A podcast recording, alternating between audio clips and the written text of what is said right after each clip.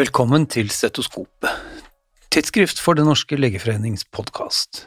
Hver annen uke med medisinske redaktører og helseaktuelle gjester i studio, og hver annen uke Redaktørens hjørne, der jeg, Are Brean, sjefredaktør i tidsskriftet, gir deg en høyst subjektiv gjennomgang av de nyeste forskningsartiklene, sakene og debattene i de største internasjonale generellmedisinske tidsskriftene. Aller først i dag skal vi til vitenskapsfolk som krangler. Det handler denne gang om intet mindre enn historieskriving og vitenskapelig ettermæle, for hvem var det som aller først publiserte det fulle genomet til SARS-CoV-2-viruset? Det er tidsskriftet Science som skriver om dette i en ganske omfattende artikkel. Det hele startet med at databasen Giside, en svært mye brukt og i de kretser velkjent database for virusgenomer, nylig publiserte en uttalelse der de proklamerte at Giside var de som aller først gjorde SARS-CoV-2-genomet kjent for verden den 10. januar 2020. Denne påstanden falt mange tungt for brystet.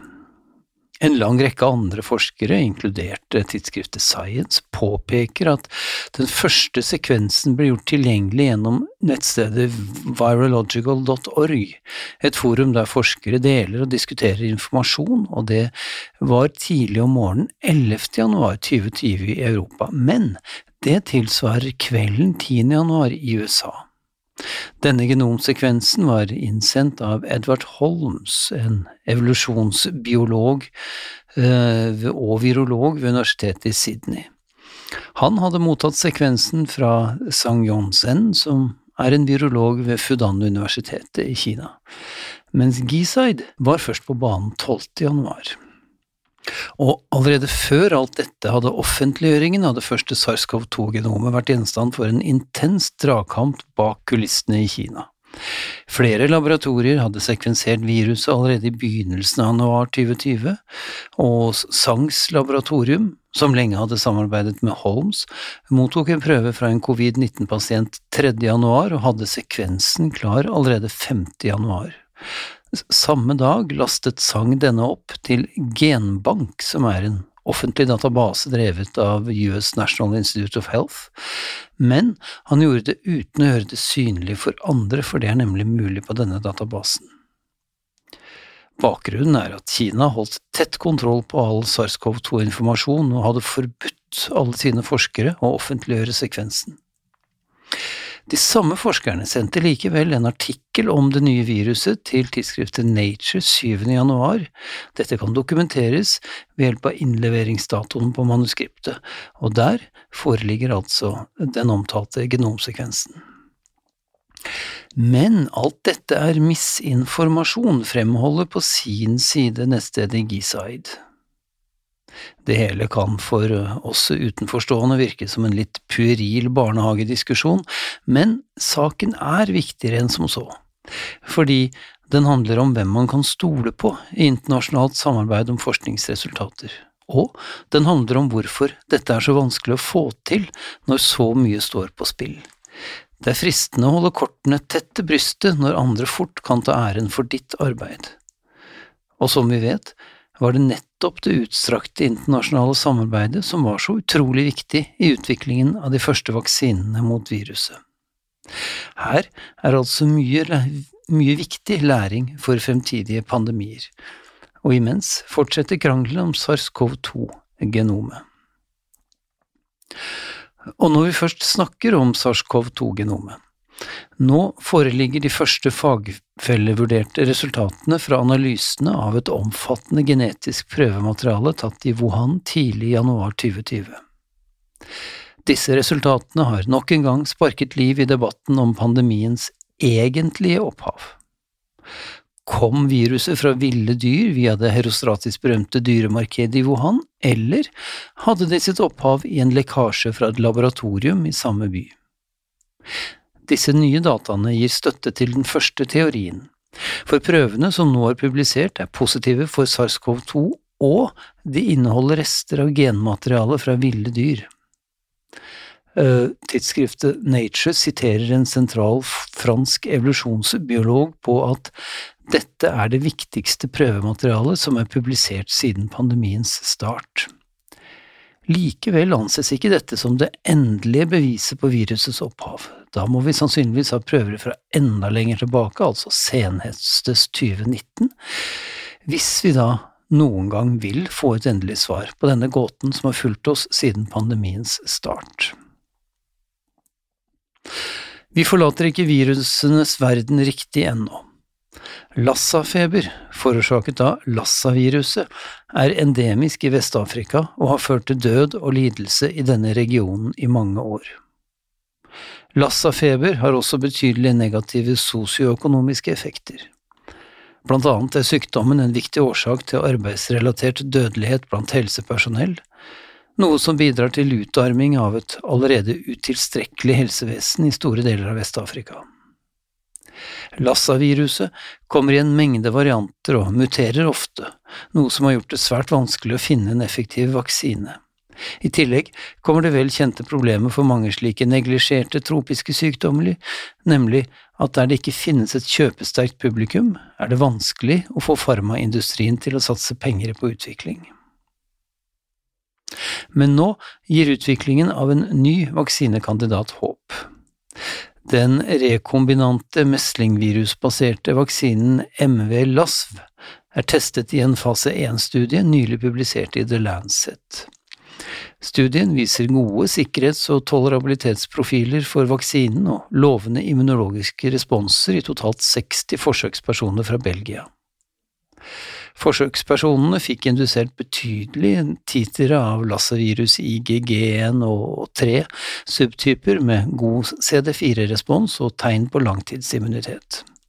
Så gjenstår det å teste ut vaksinen i områder der Lassa-viruset er endemisk, og i, i mer naturalistiske settinger enn i Belgia. Men The Lancet er såpass begeistret allerede at tidsskriftet vier en egen lederartikkel til nyheten, i tillegg altså til å publisere den originale studien. Fra virus til bakterier. Nærmere bestemt bakterier som gir SOS, seksuelt overførte sykdommer, enda nærmere bestemt gonoré, klamydia og syfilis. Forekomsten av disse infeksjonene er stigende i mange land, spesielt blant menn som har sex med menn, og blant transkvinner, og antibiotikaresistensen for særlig gonoré er også økende. Noe bør altså gjøres. Men hva? Kan eksempel posteksposisjonsprofylakse være effektivt for å hindre spredning? Det har en nylig åpen, randomisert studie publisert i New England Journal of Medicine forsøkt å svare på. 501 deltakere, både menn som har sex med menn og transkvinner, ble inkludert.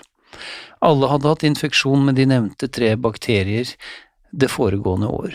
De fleste var på PREP, altså hiv-profylakse, mens noen var hiv-infisert allerede og under behandling.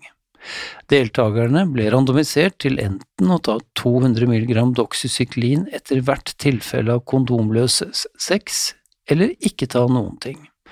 Alle ble testet for kjønnssykdommer hver tredje måned, oppfølgingstiden var ett år, og endepunktet var forekomsten av kjønnssykdom i gruppene. Incidensen av de tre kjønnssykdommene var signifikant og betydelig lavere i doxycyklingruppen sammenlignet med ikke-doxycyklingruppen. 10,7% versus 31,9% hos deltakerne på PREP og 11,8% versus 30,8% i hiv-gruppen. I denne studien minsker altså risikoen for å få gonoré, klamydia eller syfilis med to tredjedeler ved bruk av doxycyklin som posteksposisjonsprofylakse hos transkvinner og menn som har sex med menn. Viktige resultater for forebygging av vanlige infeksjonssykdommer hos disse utsatte gruppene.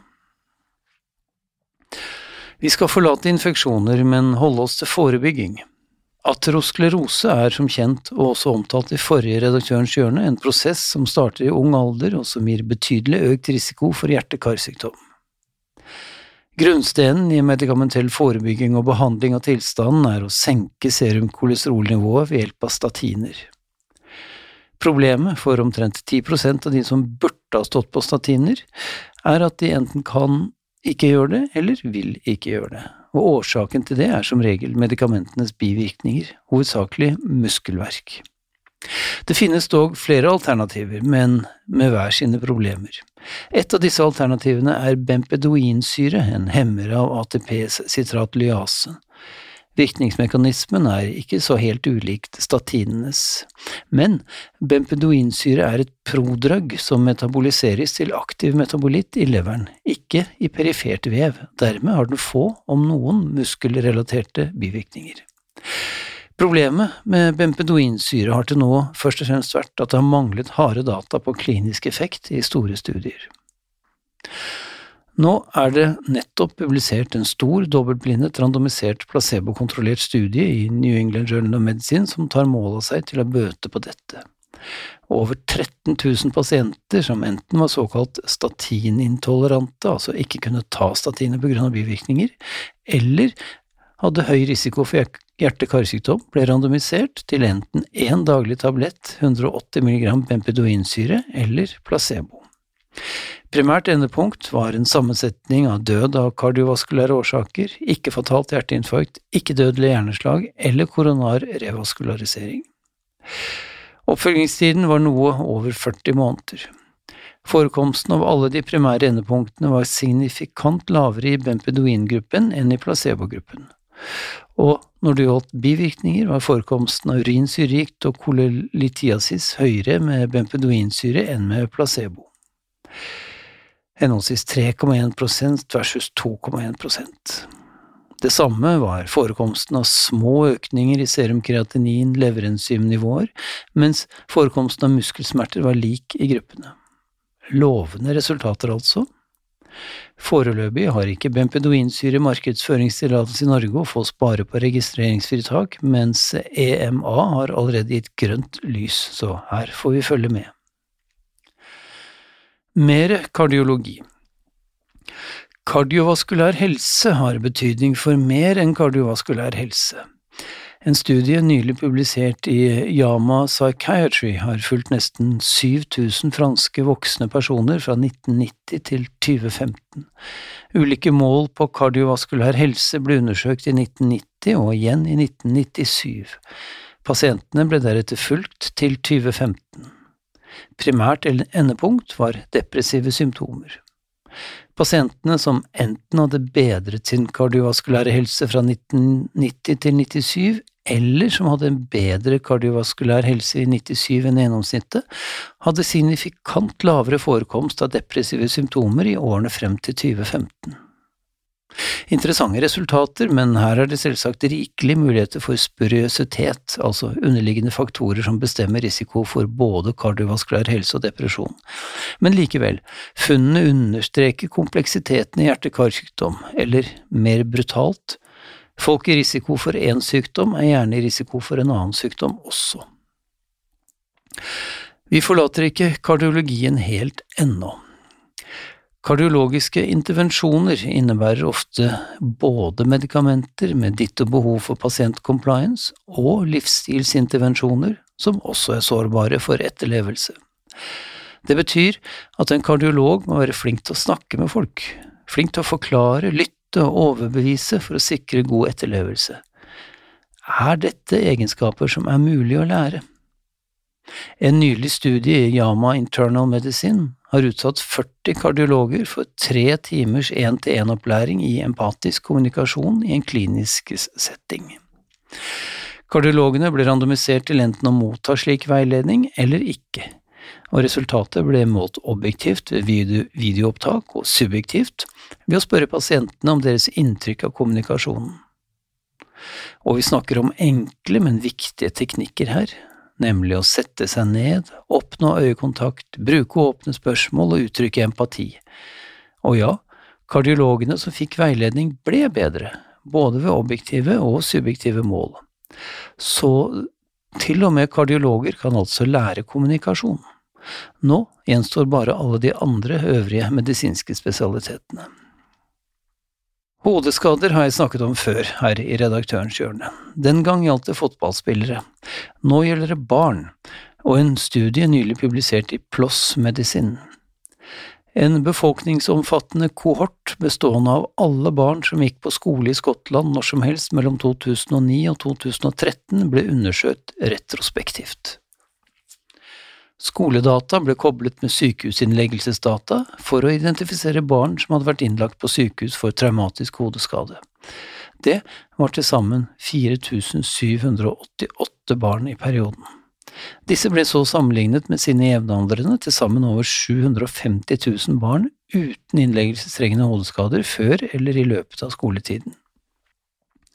Sammenlignet med jevnaldrende hadde barn som hadde vært innlagt på sykehus for hodeskade, mer behov for spesialpedagogiske tjenester, mer skolefravær, flere skoleutvisninger og lavere akademiske prestasjoner. Graden av hodeskade var det rent teknisk ikke mulig å undersøke i denne studien. Igjen var det dette med mulig spuriøse sammenhenger, da, men likevel, innleggelseskrevende hodeskader hos barn er ingen spøk, heller ikke for videre skoleløp etter skaden. Så til sist i dag. Med Senterpartiet i norsk regjering er det verdt å legge merke til en nylig studie i Nature som har studert globale forskjeller i kroppshøyde hos barn som vokser opp i by versus på landsbygda. Optimal vekst og utvikling i barne- og ungdomsår er i tallrike studier vist å være viktig for helsen hele livet, og en av de viktige indirekte målene på dette er kroppshøyde. Denne enorme studien har brukt data fra over 2000 populasjonsbaserte originalstudier med høyde- og vektdata fra 71 millioner barn og unge gjennom 5 og 19 års alder i 200 ulike land mellom 1990 og 2020. I 1990 var barn og unge som bodde i byer gjennomgående høyere enn sine jevnaldrende på landsbygda. 30 år senere hadde denne høydeforskjellen minsket betydelig, idet barn på landsbygda nesten hadde tatt igjen forskjellen.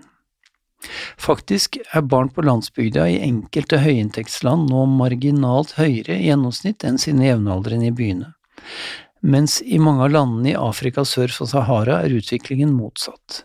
Barn i byene blir bare høyere og høyere sammenlignet med barn på landsbygda. Og konklusjonen? Tja, Urbanisering ser ut til å være eh, bra for barns fysiske utvikling av mange grunner, men dette er ikke entydig, og fordelen ser ut til å stoppe opp på et visst punkt av økonomisk utvikling. Vi høres neste gang.